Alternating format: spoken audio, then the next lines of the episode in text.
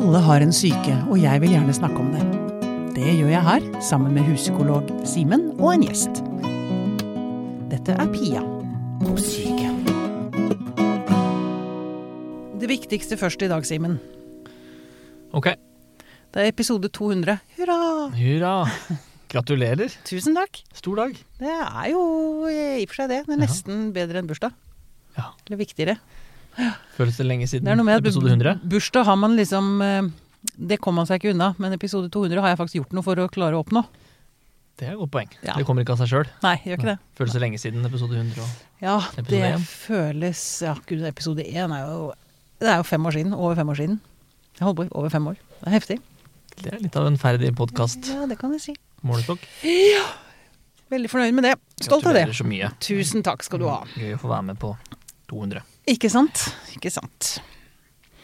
Du, vi skal eh, fortsette vår ferd gjennom ulike terapiretninger. Yes. Nå har vi vært innom ISTDP Mm. og det som jeg sier psykoanalyse. Yes. Yes. I dag eh, skal vi snakke om metakognitiv terapi. Ja. Det er noe helt annet. Det er noe helt annet, og det skal bli gøy å høre om. Vi har fått Sverre Urnes Jonsson i studio. Velkommen hit. Takk skal du ha. Du er, Grunnen til at du er her, er at du er leder i Norsk forening for metakognitiv terapi. Ja. ja. Men så er du også eh, førsteamanuensis ved Psykologisk institutt ved Universitetet i Oslo. Ja. Og så er du knytta til Modum Bad, Ja, som seniorforsker. seniorforsker der. Ja. Du sprer deg ganske bredt, vil jeg si. Eller? Ja, har en fot da i akademia og en, en fot i klinikken, da. Så det passer jo bra når man skal drive med forskning på terapi, da. Ja. Du, metakognitiv terapi. Det høres litt sånn skremmende ut, syns jeg. Ja, hvorfor høres det skremmende ut? Jeg vet ikke, det. Meta, det høres så svært ut. Ja, ja. Ja, ikke sant? At det er noe på en måte over et system, et over et kognitivt system, så er det et Ja. metakognitivt system. Ja, Som om ikke det kognitive var komplisert nok. ikke liksom. sant. Det er noe med det. Det er noe med det. Ja. Em, så vi får bare begynne å skrape i på overflaten og grave oss nedover. Ja. Så det første store spørsmålet er selvfølgelig hva er metakognitiv terapi? Ja.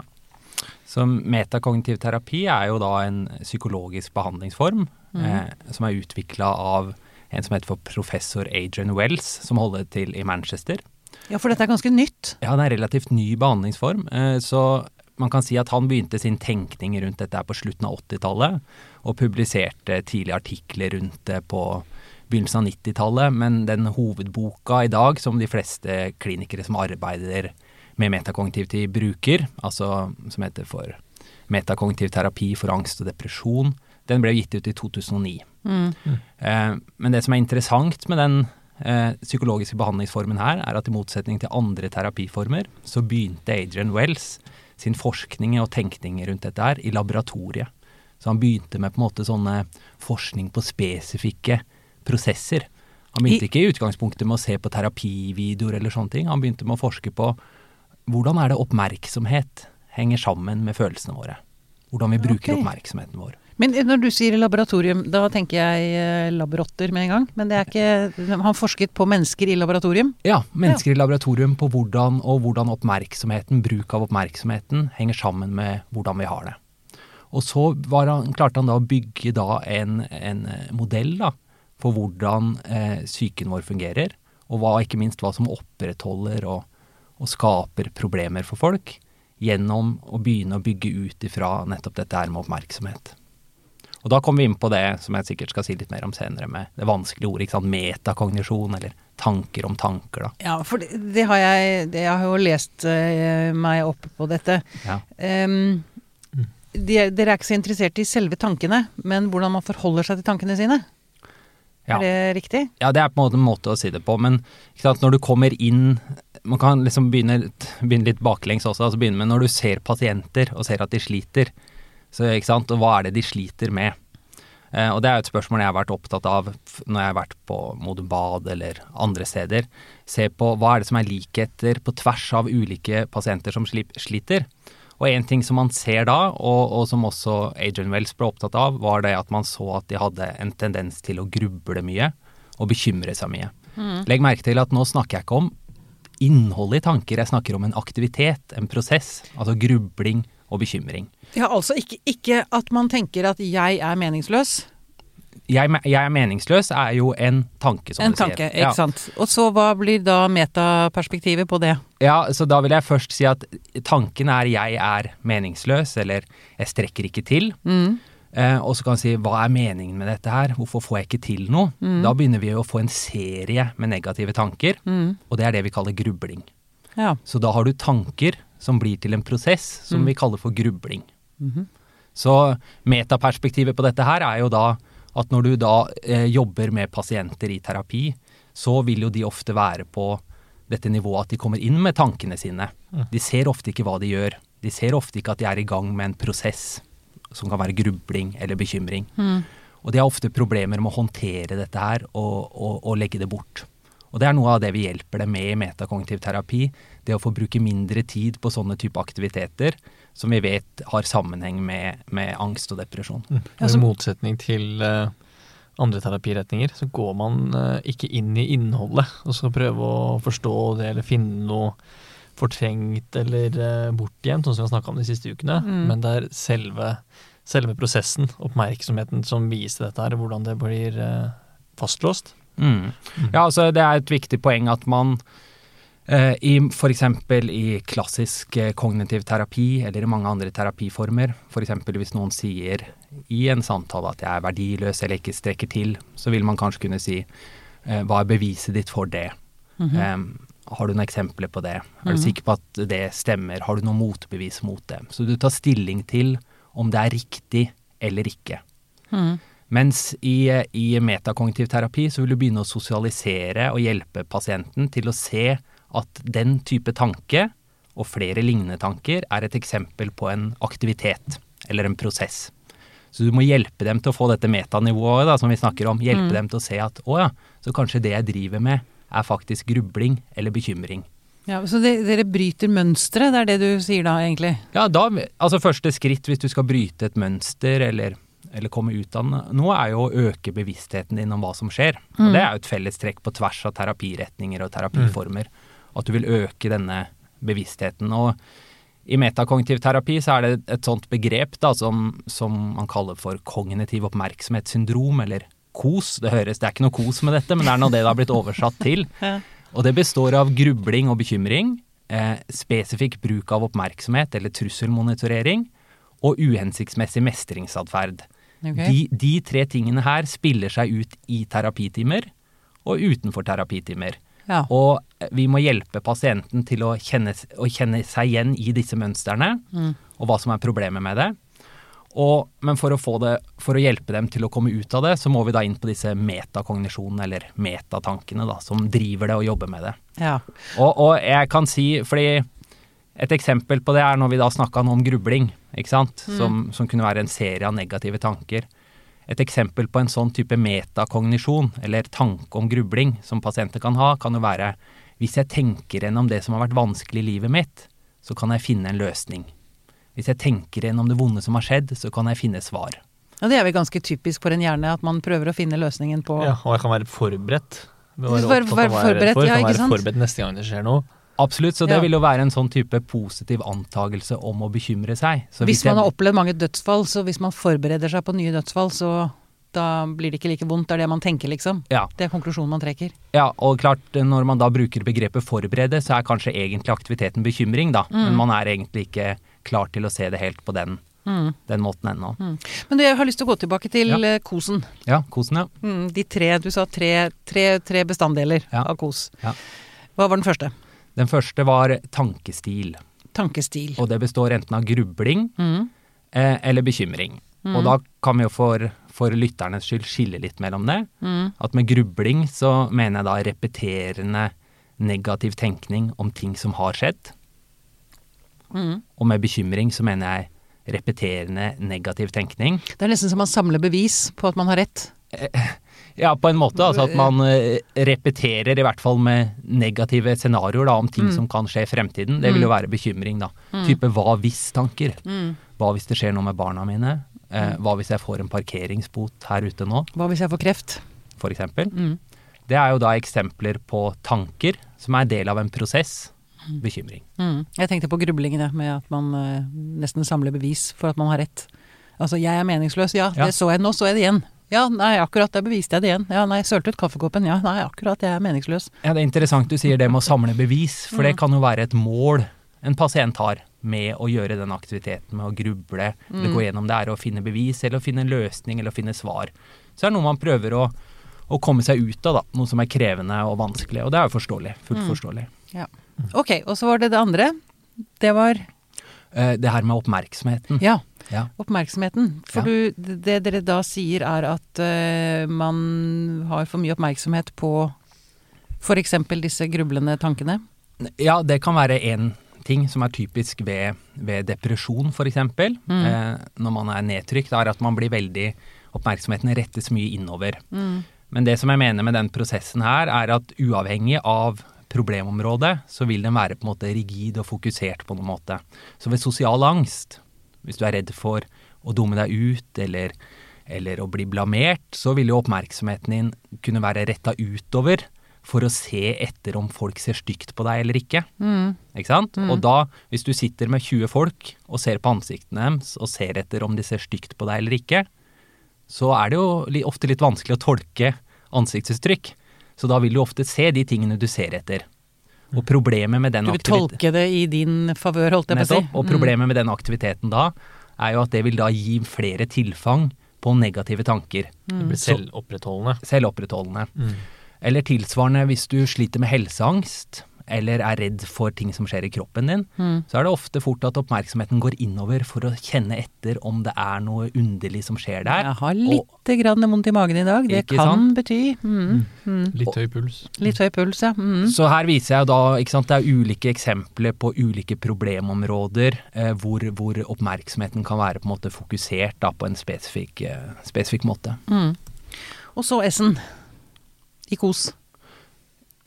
Ja, eh, det kognitive oppmerksomhetssyndromet, ja. Den siste, siste er knytta til atferd, da. Mm. Eh, og det er jo da, det kjenner man jo fra mange terapiformer, men det er jo da gjerne ting som eh, Når man har fått et problem, det er ting man vil prøve å gjøre for å håndtere de vanskelige tankene eller de vanskelige følelsene. Mm. En sånn type atferd kan jo være å velge å unngå situasjonen helt. Mm. En annen sånn type uhensiktsmessig mestringsatferd kan være å drikke alkohol å si det. for å dempe angst og ubehag der og da, eller akkurat like før, hvis man er redd for presentasjoner, før man skal snakke foran noen, så tar man en, eh, en pille, en Vival eller Mm. noe beroligende, eh, for å på en måte komme seg gjennom det. Mm. Det er da eksempler på uhensiktsmessig mestringsatferd. Mm. Eh, Eller og- man kan løpe veldig mye. Det er også Ja, eller- sånn, jeg- Tenk på, hvem var det? Var det Jan Kjærstad? En eller annen forfatter som sa jaså, det er ute og løft, lufter dødsangsten. Til de som trener veldig mye. Altså, det Ja, kan ja. jo bli en mestringsstrategi, det òg, for å Jo, komme seg unna. men ikke sant, jeg hører jo når jeg snakker om disse tingene, så driver vi jo alle med disse prosessene. Mm. Ikke sant? Så, så det er jo ikke det i seg selv å bekymre seg litt og gruble seg litt og bruke oppmerksomheten sin på en spesifikk måte, eller, eller drikke litt alkohol, eller løpe, trene for mye inniblant, som, som trenger å være et problem. Det må være noe annet da, som, som gjør at man ikke kommer ut av det. Mm. Jeg tror forresten det var Dag Solstad. Unnskyld. Ja. Ja. ok, men Så du her har vi liksom en, eh, en, en ny kilde, da, for en annen måte å, eh, å se det på, til uh, psykisk uhelse. Mm. All psykisk uhelse, for å sette det litt på spissen, kan forklares med kognitivt oppmerksomhetssyndrom.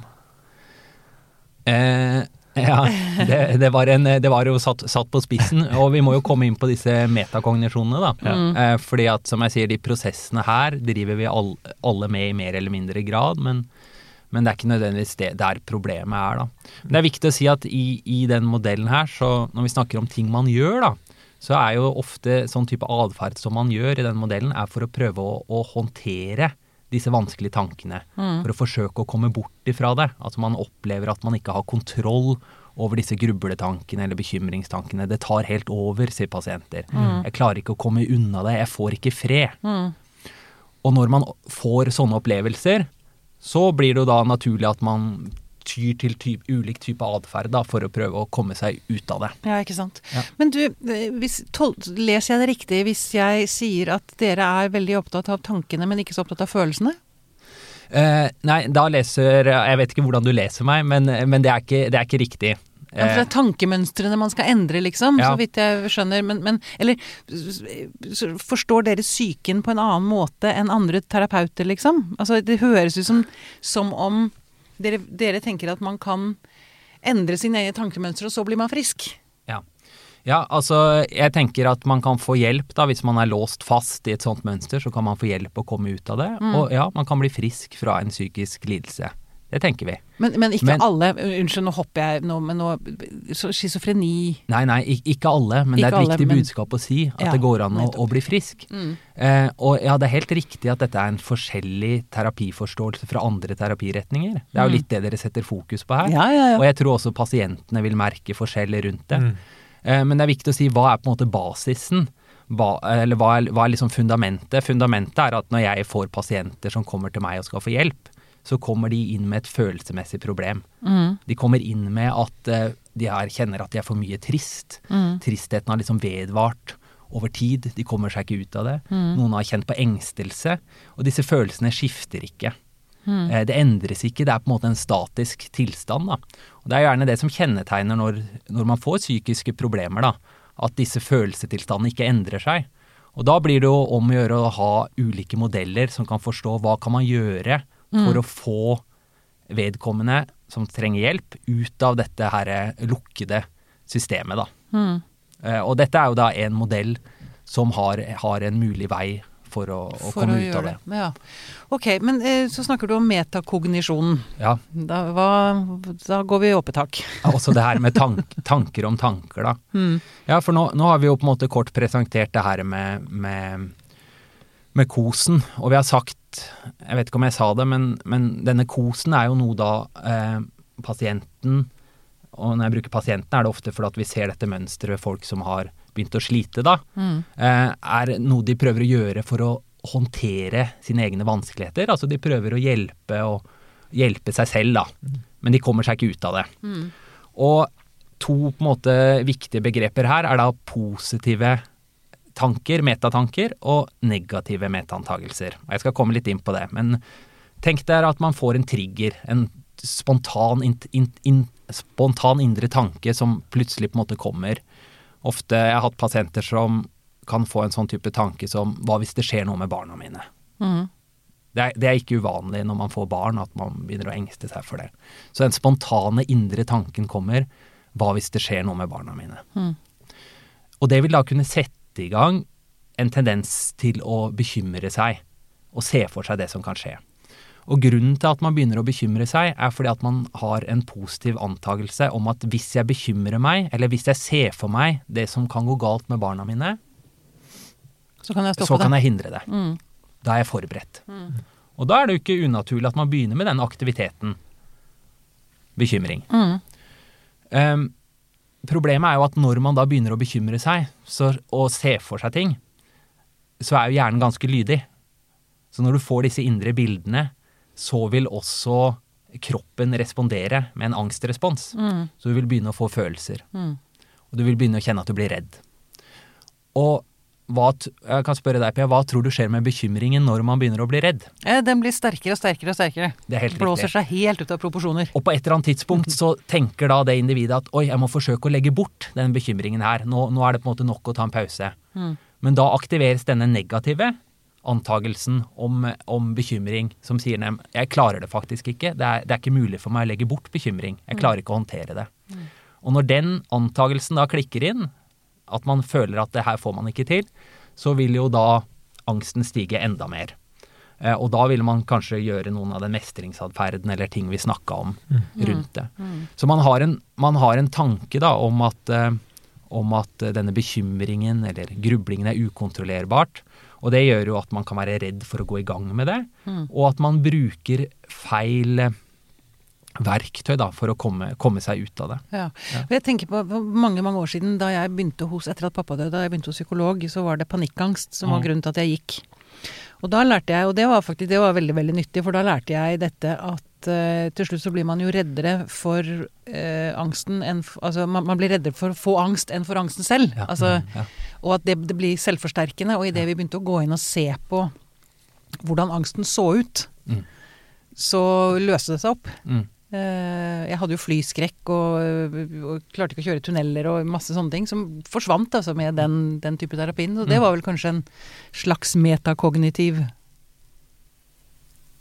approach, hva heter det? Om han ikke bare mm,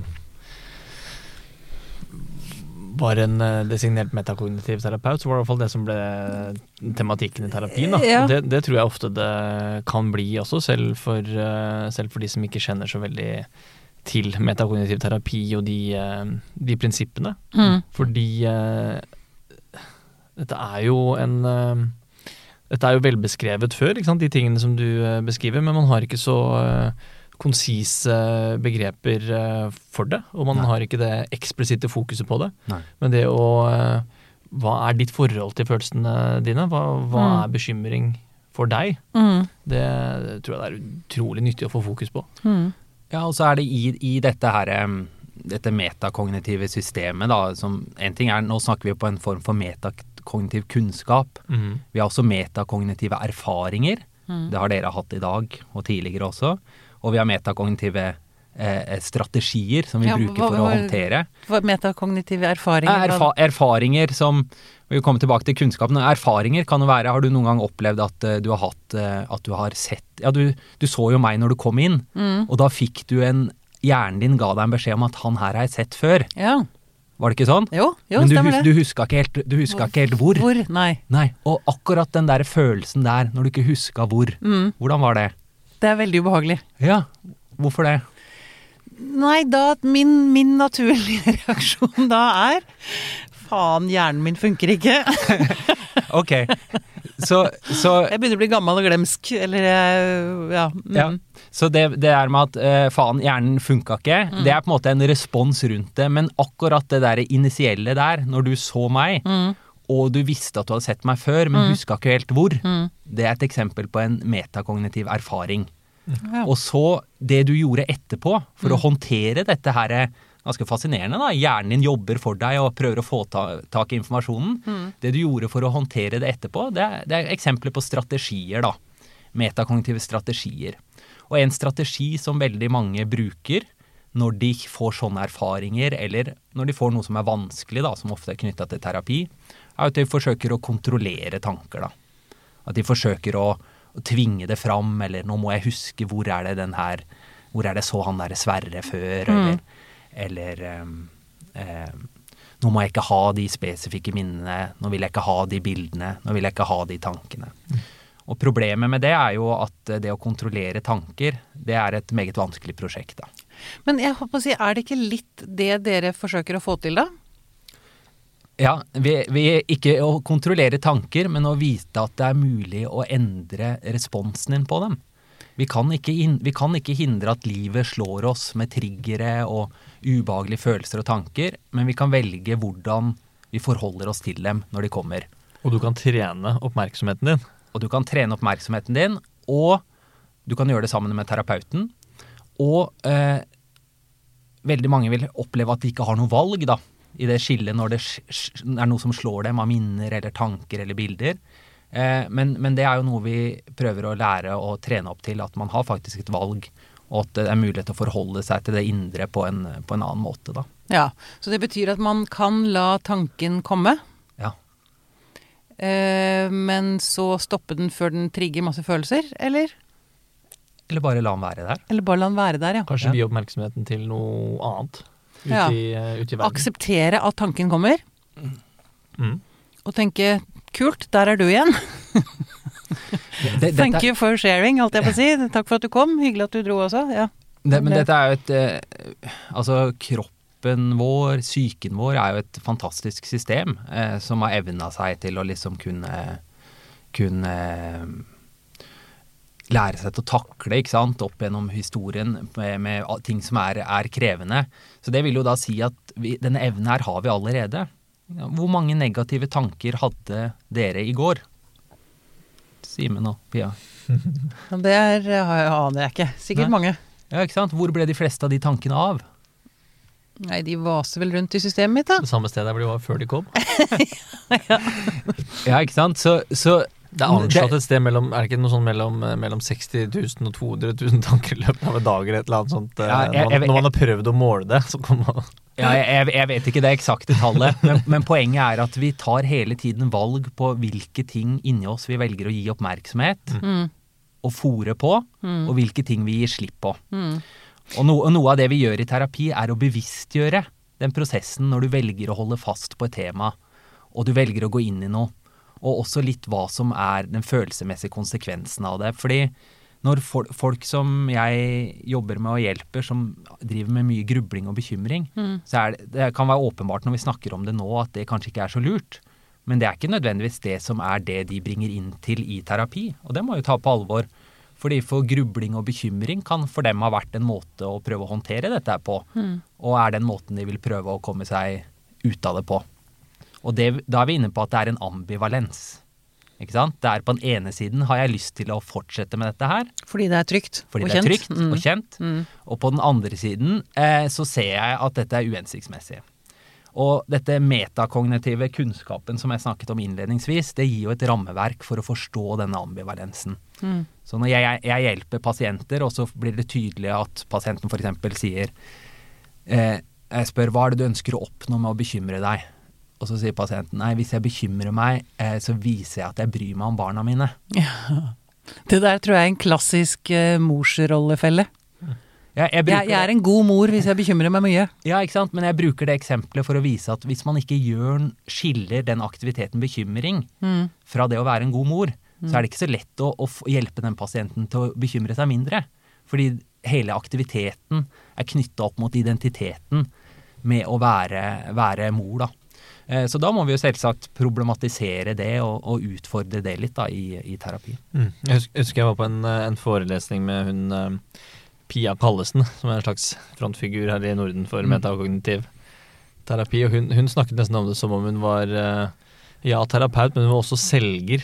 Hun måtte selge inn et, eh, et helt nytt perspektiv Ja, til pasienter som kommer inn og forventer eh, et helt annet eh, fokus, ja, ja. som regel. Og det syns jeg jo ga, ga mening. Og det må være motstandere møter uh, ofte. Eller motstand blir kanskje litt for gærent, men en ambivalens. For det bryter jo gjerne med folk. Folk forventer jo å snakke om hva, Hva hva de grubler over, hva de bekymrer seg over. Mm. Så det må være vanskelig å selge inn i, i starten. Eller nå har kanskje folk eh, fått litt mer øynene opp eh, for dette perspektivet. Det begynner jo å bli veletablert. Ja, det er, det er flere og flere som driver med det og sånn, men, men eh, det du er inne på der er et veldig viktig poeng. Sant? Hva slags forventninger har, har den som søker hjelp da, til behandlingen? Eh, og det er jeg opp, veldig opptatt av å lytte veldig nøye til. Og, og også hva slags modell, modell da, bruke det begrepet, er det de har om, om hvordan de skal hjelpe seg selv, og hvordan de skal komme seg videre. Eksempelvis så har jeg jo da mange hatt en del eh, pasienter som har slitt med, på en måte, med identitetsproblematikk og, og sånne ting. Og hvor de ønska å komme i terapi til meg for at vi sammen skulle finne ut på en måte hvem er det eh, jeg er. Eh, og hvem er det på en måte Hva er det som definerer meg, da. Men har da slitt sant, med plager, depressive plager og sånn veldig lenge. Og da, jeg som metakognitiv terapeut ser jo da en annen prosess enn det kanskje pasienten ser. Jeg ser at pasienten grubler masse over hvem de er, og at de ikke nødvendigvis er bevisst på det. Så jeg tenker, skal vi heller prøve å se hvor mye tid bruker du på å tenke på akkurat det spørsmålet? Mm. Og det at du tenker på og grubler over hvem du er, hvordan får det deg til å føle? Ja. Det er et veldig viktig spørsmål. Fordi det er ikke automatisk at det å Det må vi tydeliggjøre at det er en sammenheng mellom aktiviteten, grubling, og at det gjør meg trist. Det, det er ikke nødvendigvis klart på forhånd. Og når, når, når jeg har hatt noen sånne eksempler, da, når pasienten da ser, ser den sammenhengen, da, punkt én Å ja, jeg bruker faktisk ti timer om dagen på å tenke på dette her, og kanskje mer i helgene. Jeg blir faktisk lei av det. Så blir jo et oppfølgingsspørsmål fra meg da etter hvert har du noen gang på en måte forsøkt Jeg ser at du har hatt et prosjekt med det, og det har vært viktig for deg, men har du noen gang forsøkt å gjøre mindre av det? Mm. Og da svarer de De svarer litt forskjellig. ja. Noen svarer de, Det jeg tenkte på nå, det historien jeg tenkte på nå, det var da jeg svarte nei, det har jeg faktisk aldri prøvd. Mm. Og da er ofte veien til endring veldig rask. Oh, ja. Fordi da kan jeg hjelpe dem, gi dem oppgaver med å gruble mindre. Mm. Når du grubler mindre, bruker mindre tid på sånn aktivitet, så får du eh, det bedre følelsesmessig. Og hva sier du at man skal gjøre da? Legge- Konkrete tidspunkter og sånn, ikke sant? Ja, eh, det jeg, skal, jeg kan si litt mer om det på hvordan jeg liksom eh, Hvordan vil jeg hjelpe dem konkret med det? Men ikke sant, de kunne svart det at jeg har ikke prøvd. Veldig mange, kanskje 80% svarer også jeg har forsøkt, men jeg får det ikke til. Mm. Og da vil jeg si, så det høres ut som du tenker at det her med grubling for deg, at det er ukontrollerbart. At du ikke evner å legge det bort. Mm. Ja, ja det er litt eh, Det er litt sånn det er, sier pasienten da. Og, og da vil jeg si, hvordan ville det vært for deg her i terapi hvis vi sammen kunne finne ut at det å legge bort eh, grubling og kunne bruke mindre tid på det, det er faktisk mulig. Mm. Hvordan ville det vært for deg hvis vi kunne jobba sammen med det? Og det syns jo pasienten ofte er en veldig god idé. Hvis de, eh, men de har bare tenkt at det er et umulig prosjekt og ikke mulig å få til. Og mange av dem sier også litt sånn at, eh, at eh, ja, vi kan jo prøve, og det er litt vanskelig å se for seg, da. Og da vil nok jeg bruke litt tid på at de virkelig skal se det for seg. Mhm. Fordi noe som er viktig, er å også indusere håp. Og hvis du Pasienter jeg har hatt, de har blitt skuffa veldig mange ganger. Så noe av det første du må hjelpe dem med, er å faktisk tørre å håpe. Tørre å ta sjansen på ny. Mm. Og en måte å gjøre det på, er å tørre å se for seg hvordan, hvordan livet kan være, da. Mm. Uten så mye tid på grubling og, Ja. og bekymring. Da. Men, men hva konkret, hva, hva foreslår du at folk gjør istedenfor å gruble? Ja.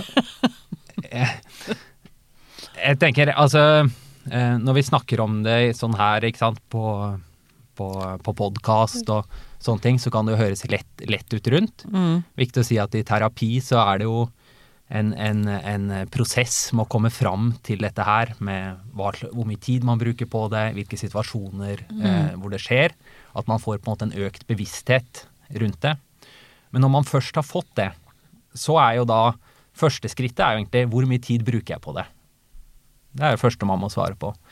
Og hvis du først har kartlagt det, nei, jeg bruker faktisk ganske mange timer på det.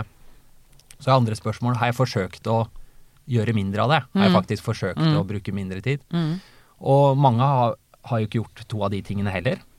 Eh, men så er det da tredje som vi trener pasientene på, og som vi trener aktivt på i timen, det er å kontrastere det de fleste pasienter har gjort i starten. Det er med å forsøke å kontrollere tanker, ikke tenke på det, ikke gruble. Med å trene på å la det være. Og det er noe som vi kaller for frakobla oppmerksomhet.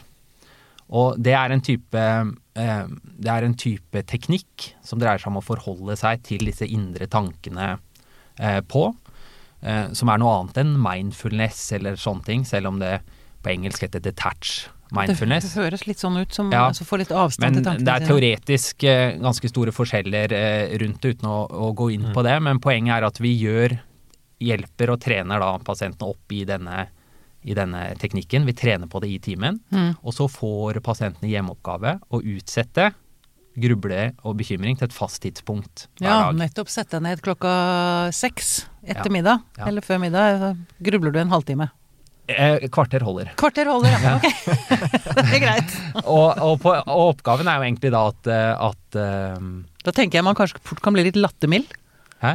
Jo, men Ja, det, men- det som ofte skjer, da, er at hvis folk går i gang med prosjektet, så sier de at eh, at ja, men når jeg kom der til klokka fem, så var det jo ikke noe å Nei, tenke på. Og da er jo poenget, da trenger du ikke å gå inn i det. Mm. Du skal begynne å vende hjernen til at det er det nye tidspunktet til å sortere den Ja, eh, informasjonen eh, til, da. nettopp. Eh, og da tester du også, ikke sant? Da tester du også innledningsvis den antagelsen og tanken som pasienten gjerne kan ha, om at det her er ikke mulig å gjøre noe med, at det er ukontrollerbart. Ja. Du får egentlig en test på det også. Mm. Og, i, Så- og uh, implisitt i dette så blir det jo også trent opp til å ha en metakognisjon og legge merke til at nå går jeg inn i bekymringen. Det å legge merke til det. Ja. Fordi det krever du hvis du skal utsette noe, så må du vite at du gjør det først. Ja, øh, det du er inne på der er et veldig viktig poeng, det med, med, med bevissthet, da, eller mm. metabevissthet. Eh, over noen type problemer så er det et større, større utfordring enn andre, da. For eksempel ved, ved, ved depresjon så er det et stort problem at man havner i grubling, og så er man der så lenge før man kanskje kjenner at man har vondt i magen. Og da, hvis man har gått i terapi og sånn, så kanskje man husker å, kanskje det er grubling jeg er i gang med nå. Det er derfor jeg føler meg så tung og sånn. Men at det tar litt lengre tid å trene opp og bli kjent med dette, dette her, da. Utrolig Men- viktig. Ja. Eh, ja, absolutt. Jeg sitter jo selvfølgelig nå og reflekterer over min egen, mine egne tankemønstre. og sett, sett at det er sånn at man har 200 000 tanker da, i løpet av et døgn. Hvis det er sånn, hvis vi bare tar det som et tall. Jeg har hørt noe lignende. Og så er det vel sannsynligvis forskjell på de som sliter med depresjon kontra de som ikke gjør det. For den som sliter med depresjon har kanskje 150 000 negative tanker. Mens en håper å si, person som ikke sliter med depresjon, har kanskje 30 000 negative tanker. Kanskje. Eller har de like mange, men de bare legger, eh, henger seg opp i det på en annen måte? Det er hu- det er 50-50. Gode, dårlige. Veldig spekulativt, da. Men jeg Ja, tror jo, jo, men det er bare- er det at det er, det er, um, det er ulikt hva, hva du henger deg opp i. Hvis du ser for deg Ja. tankene som fyker forbi som en uh, trafikk, og så Ja. er det liksom den ene tingen du legger merke til og henger deg veldig opp i. Ikke Sikkert fordi den vekker noen Så hvis du- følelser da. bare ser de røde bilene, Ja. og ikke alle de andre i trafikken. Ja. Så tenker du at det mm, hva- Ja. Du Mm, kan- kan jo tenke at eh, alle får vi jo, det er premisset her, alle får vi negative tanker. mm, Og de fleste av oss eh, Altså, hvis vi ser på forskningsmessig på dette her, så vil over 50% av oss i løpet av livsløpet i løpet av livsløpet fylle kriteriene for en psykisk lidelse. mm, Å finne med den setningen er jo at eh, det betyr at det er mer normalt enn unormalt å slite psykisk i løpet av livet. mm. Og det betyr jo at alle av oss vil få triggere, indre vanskelige tanker eller følelser som vi må forholde oss til. Eh, Men i modellen her så vil jo da si at noe som da er med å skape om dette blir et vedvarende problem eller ikke, er i hvilken grad man liksom kaster, kaster, kaster ved på det bålet, da. Ja, Og det er man ofte ikke oppmerksom på at det er det man gjør. Nettopp. Eh, eh, og det er det man prøver å da bevisstgjøre, da, Mm. med, med en sånn type, type terapi. Terapi. Ja. Men jeg, har, jeg lurer også på om det, eh, dette på en eller annen måte også kan oppleves som et svik mot sine egne følelser. Altså hvis man kommer da og har og, og sliter med sorg eller Altså det ligger jo altså, Hvis du har fått høre opp gjennom hele oppveksten at du er ubrukelig, Mm. eh, eller ikke altså har problemer med tilknytning Mm. Eh, Mm. så, så, så blir det ikke litt provoserende da å liksom få høre at ja, men det er bare måten du tenker om tankene dine på som er problemet? Ja, jeg ville jo ikke sagt det sånn. At det Nei, det skjønner jeg. Jeg setter det på spissen nå. Jeg, Men, sett, jeg, ville ikke, altså, jeg ville sagt det på en annen måte, men det du beskriver der, hvis det har vært omsorgssvikt, hvis det har vært på en måte gjentatte serier med ting som har vært krevende i barndommen, mm, det du da vil se hvis vi begynner med den kosen, da, er at mye av de, den aktiviteten som disse strategiene som vi ser, med bekymring, grubling, oppmerksomhet og atferd, mye av det vil ikke i mindre grad enn ved enkel, enk, mer enkel angst og depresjon, så vil ikke pasienten være det så bevisst. De vil komme med type utsagn som at eh, 'det er sånn jeg er'. mm, Ja, men, ja, men Sverre, jeg er en bekymrer, jeg. Jeg er en grubler. Det er sånn jeg er. Eh, problemet med sånne type utsagn er jo at eh, det blokkerer jo for en eventuell endring. For hvis det er sånn man er, så kan man jo ikke gjøre noe med det. Så det, det er et type håpløshet mm, i sånne type, type utsagn. Og hvis man har blitt gjort mye urett mot, eh, f.eks. jobbe med traumer og med, med mer sånn med PTSD-problematikk, så er det jo noe med å på en måte også se at mye av de tingene da som man har forsøkt for å komme seg videre fra det, og kanskje er det også sinne knytta mot de som har eh, gjort, gjort en urett mot. mm, Problemet er at disse drivkreftene rettes mot seg sjøl. At det er man selv som blir sittende igjen med problemet. mm. Det er jo ikke sånn at gjennom å gruble over det eller å, å bekymre seg over det, at man på en måte får, eh, får tatt igjen, eller man får sagt ifra. Man må, blir på en måte sittende med de negative følelsene rundt det. da. Ja, da vil en ISTDP-terapeut si at man må liksom holdt på å si, ta bølgen, man må kjenne på raseriet. Mm. For at de skal liksom slippe taket på en eller annen måte. Mm. Men, men hva, hva tenker dere om de følelsene da, som ligger under der? Jo, jeg tenker at uh, hvis vi ser på um, med, med sånn type traumer, så tenker vi at noe av det viktigste er å normalisere disse type følelsene. Også normalisere at det kan være ulike følelser som du kan ha etter krevende hendelser. Men vi vil ikke ha en modell som sier at du skal gå etter den og den følelsen på forhånd. At det er den du skal gå etter. Det du vil jobbe med i denne modellen, er å endre disse strategiene som jeg snakker om. Og det jeg ofte da ser i terapien, er at da kommer det andre følelser fram. Okay. Sant? Som det kan være sinne, eller det kan være sorg, osv. Men hva gjør Nå- dere da med de følelsene, er spørsmålet mitt. Trenger man å gjøre så mye med det? Ja, det er jo En annen terap terapeut vil vel si det at de følelsene må bli hørt og forstått og sett. Ja. Eller kjent. Altså, de blir jo ikke borte selv om man tenker annerledes om dem. Hvis man for eksempel for eksempel, for eksempel har, eh, har stor sorg, da. ja. Nå, Ja, trist- det- det- tristhet. tristhet. Ja, men Ja. altså sorg, rett og slett sorg etter Ja, et tap, ja. liksom. Men, men kan det jo være at man kjenner på sorg og tap, da. Og så hvis den følelsen får være der, eh, uten at man grubler over det eller gjør så mye med det, eh, så etter hvert så erstattes det av en annen type følelse. Ja. Det, dette er et litt Eh, åpent spørsmål til dere begge, egentlig. Det er ja. virkelig genuint interessert i å Ja, så nei, tenk, tanken om man trenger man å gjøre så masse med følelsene, det er jo et interessant spørsmål, da. Eller er det sånn at følelsene kan på en måte håndtere, håndtere seg sjøl? Her må vi jo gjøre noe med følelsene fordi at de har blitt låst. Det er jo derfor de kommer fast mm. du, i terapi. og, du blir, og du blir opptatt av hva, hva er det denne type følelser gjør med tenkningsmønsteret vårt, og hvordan vi uh, fungerer mentalt.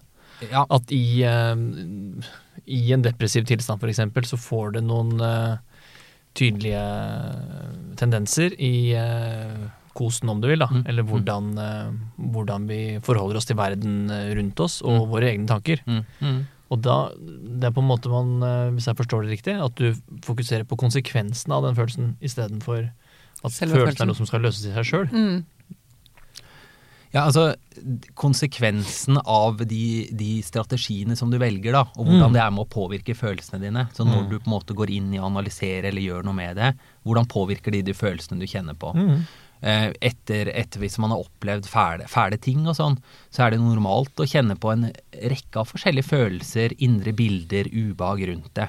Men mange blir redd for disse følelsene, tenker jeg burde ikke ha det på den måten, det burde være annerledes, kan ikke ha det sånn.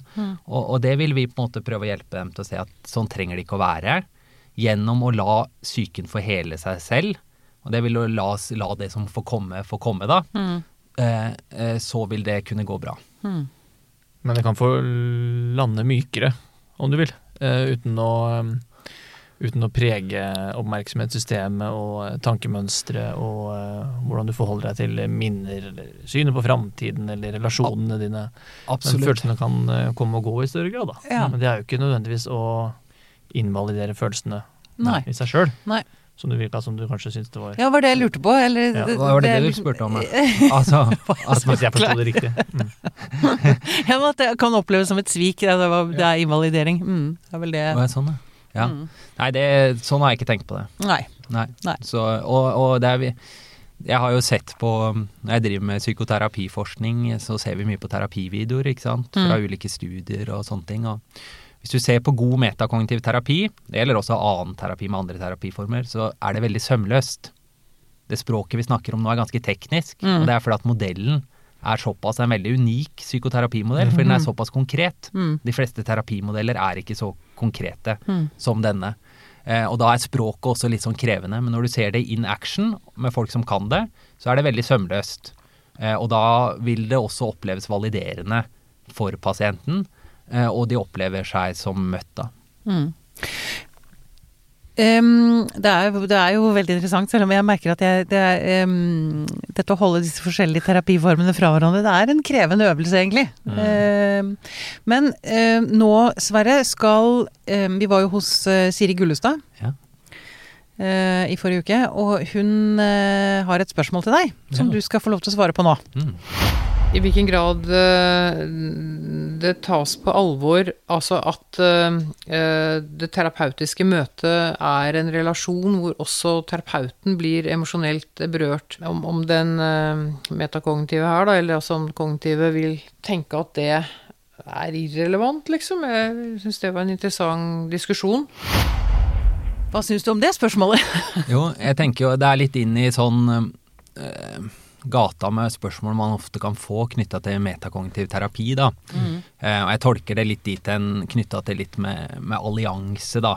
Og det å møte med pasienten. Hvordan er det i en sånn type strukturert terapiform?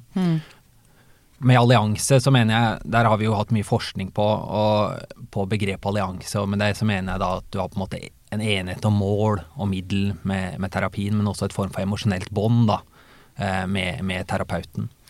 Og det som er, er at eh, i, eh, i metakognitiv terapi så skjer denne på en måte alliansebyggingen, denne kontaktskapningen, den skjer via eh, kasusformuleringen. Så det skjer i første time med pasienten når du terapeuten vet jo på forhånd litt hvilke type spørsmål man skal stille, mm. eh, men man vet ikke hva slags type unike svar eh, man får fra pasienten. Det er jo det som gjør det spennende å drive med, med, med terapien. Eh, og gjennom å sosialisere da, pasienten til denne formuleringen på en måte som gjør at pasienten føler seg møtt, eh, så, så bygges det også da en allianse eh, med pasienten. Mm.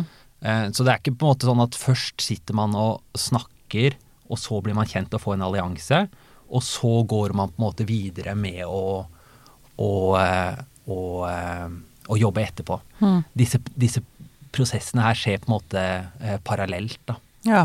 Og når det gjelder om å bli berørt eller ikke, ikke hvordan bruker man bruker jeg eventuelt mine egne reaksjoner i terapirommet og, og sånne ting, mm. eh, så vil jeg på en måte bruke det hvis jeg ser eh, Hvis jeg jobber med pasienter som er eh, unnvikende i, i, eh, i, i, kontakten eller i stilen, eller jeg kan på en måte merke det, at jeg får på en måte ikke kontakt med, så vil jeg bruke den informasjonen til å stoppe litt opp, eller kanskje til å senke tempoet, eller til å gjøre noe. Så jeg vil jo på en måte bruke min, det, mitt type repertoar, da, erfaringsrepertoar mm. for å navigere i mm. det som skjer. Mm. Og det som er til, en, flere grunner til at det er viktig, er jo fordi at det, eh, dette mønsteret som vi har snakket om på forhånd, det vil også være aktivert altså Nå snakker jeg om bekymring, grubling, oppmerksomhet og atferd. Det vil også være aktivert i terapisituasjonen. Og også i time én og time to. Og time tre gjerne. Og hvis pasienten sitter i time én, time to, time tre, time fire og bekymrer seg, og grubler og har oppmerksomheten sin rettet innover, da vil de ikke lære noe. Da vil de gå ut av timen og ikke huske hva som har skjedd. Kanskje for angsten er for høy eller ikke. Så det må også på en måte håndteres da, i, i de innledende fasene for at det skal kunne bli, bli en optimal terapi. Mm. Mm. Jeg vet ikke om det var svar på, svar på det Siri lurte på, men eh, ja, altså, var et for, for, forsøk? Um, ja. Jo, jeg tenker vel at det i og for seg var det. Um, men jeg sitter og tenker at um,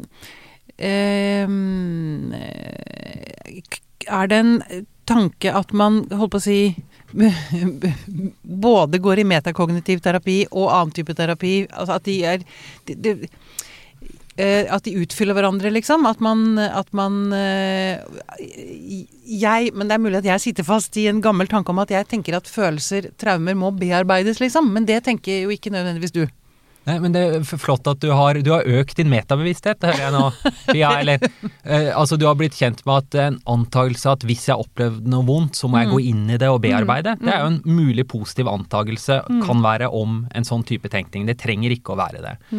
Men det, det, du skisserer er, veld, er, veldig interessant. ikke sant? Kan det være komplementere mm. hverandre? Hvordan skal vi tenke rundt det? Eh, ofte så er det en utfordring, da. Hvis jeg får inn en pasient, så må jeg kartlegge litt hva slags forventninger har den pasienten. Og, og, slags, og så må jeg si til dem litt hva slags terapi er dette her? Og hva er det de kan forvente seg, og hva er ønsket deres? Um, jeg, ikke sant, når, når, vi snakker om historier, så har jo jeg hatt masse pasienter som har gått i veldig mye annen terapi før.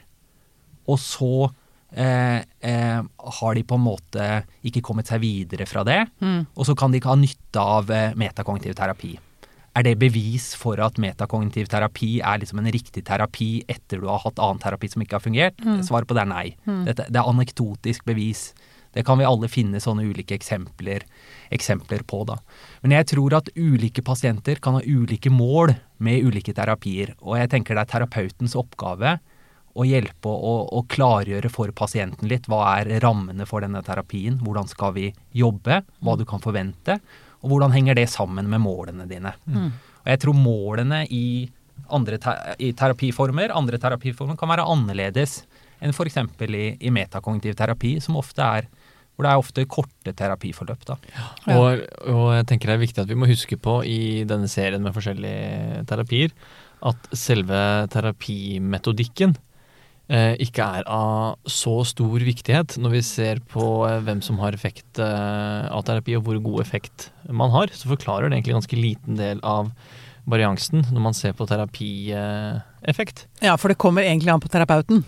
At man Eh, oppnår en god kjemi, eller at, Ja. eller at eh, terapeuten er god. Det finnes en del sånne fellesfaktorer som man kan uh, si, da. Mm. På tvers av ulike eh, terapitilnærminger. Mm. Som uh, kanskje er enda viktigere enn hvilken metodikk Mm. man bruker. Men det handler om uh, altså man må klare å skape en allianse, en enighet om prosjektet. Forståelse av problemet. hvordan man kan jobbe sammen, og hvordan man kan få noe ut av det. Mm. Jeg, jeg, smiler litt, for det dette er jo litt mitt forskningsfelt som jeg er opptatt av, da, knytta til eh, er det hensiktsmessig å, å skille ulike terapimetoder for, fra hverandre? Skal vi fortsette å forske på det?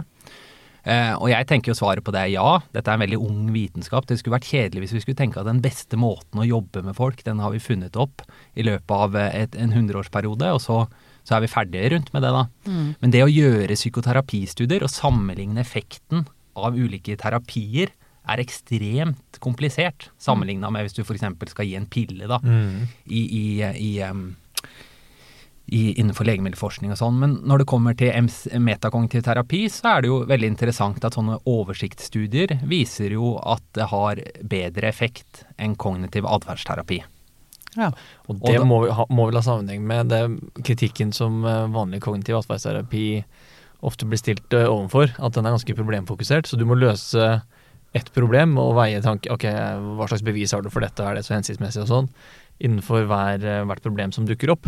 Det problemet har jo dere løst ved at dere tar det et steg eh, Altså, altså med det transdiagnostiske, nå er jo denne foreløpige sånn oversiktsstudien er jo på ganske mange forskjellige sånne eh, forskjellige sammenligningsstudier, da, så det begynner å bli solid, men spesielt f.eks. på generalisert angst, altså hvor du bekymrer deg for masse temaer, så sier det seg, kan, gir det teoretisk mening at denne måten å jobbe på eh, kan ha en fortrinn for kontra å gå inn i hver enkelt bekymringsdomene. mm. Men poenget er også at hvis du ser på det er sånn teknisk da, men hvor mange er det som blir friske av behandlingsformen sånn, så er det veldig lovende studier av metakognitiv terapi. Og der er også, det forskes mye på det. Og så er utfordringen for oss i psykoterapifeltet videre er å klare å liksom gjøre flere gode studier med forskjellige metoder, og som er tilstrekkelig spesifisert. For vi har jo veldig mye Det er lett å komme med på en måte nye begreper og nye, nye metoder, men det, hvor forskjellig er det? Det er jo litt det dere prøver liksom å finne ut av. Men, Mm. eh, og det er eh, viktig når man også skal gjøre sånne type, type sammenligninger. Da. Så jeg, jeg er enig i at det er, det, det er fellesfaktorer på tvers av terapiformer, men det er også mye som skiller dem. Og jeg syns det er veldig interessant med det som skiller dem. Mm. Og derfor er abstraksjonsnivået mitt er ofte liksom et hakk ned, da, så jeg blir opptatt av å se på, se på ulikheter. Og om det eventuelt kan ha konsekvenser for hvordan vi best kan hjelpe ulike pasienter. Da. Bra. Da har i hvert fall jeg lært en god del mer om metakognitiv terapi. Setter veldig, veldig stor pris på det. Tusen takk for at du kom til oss, Sverre Ulnes Jonsson. Takk skal du ha.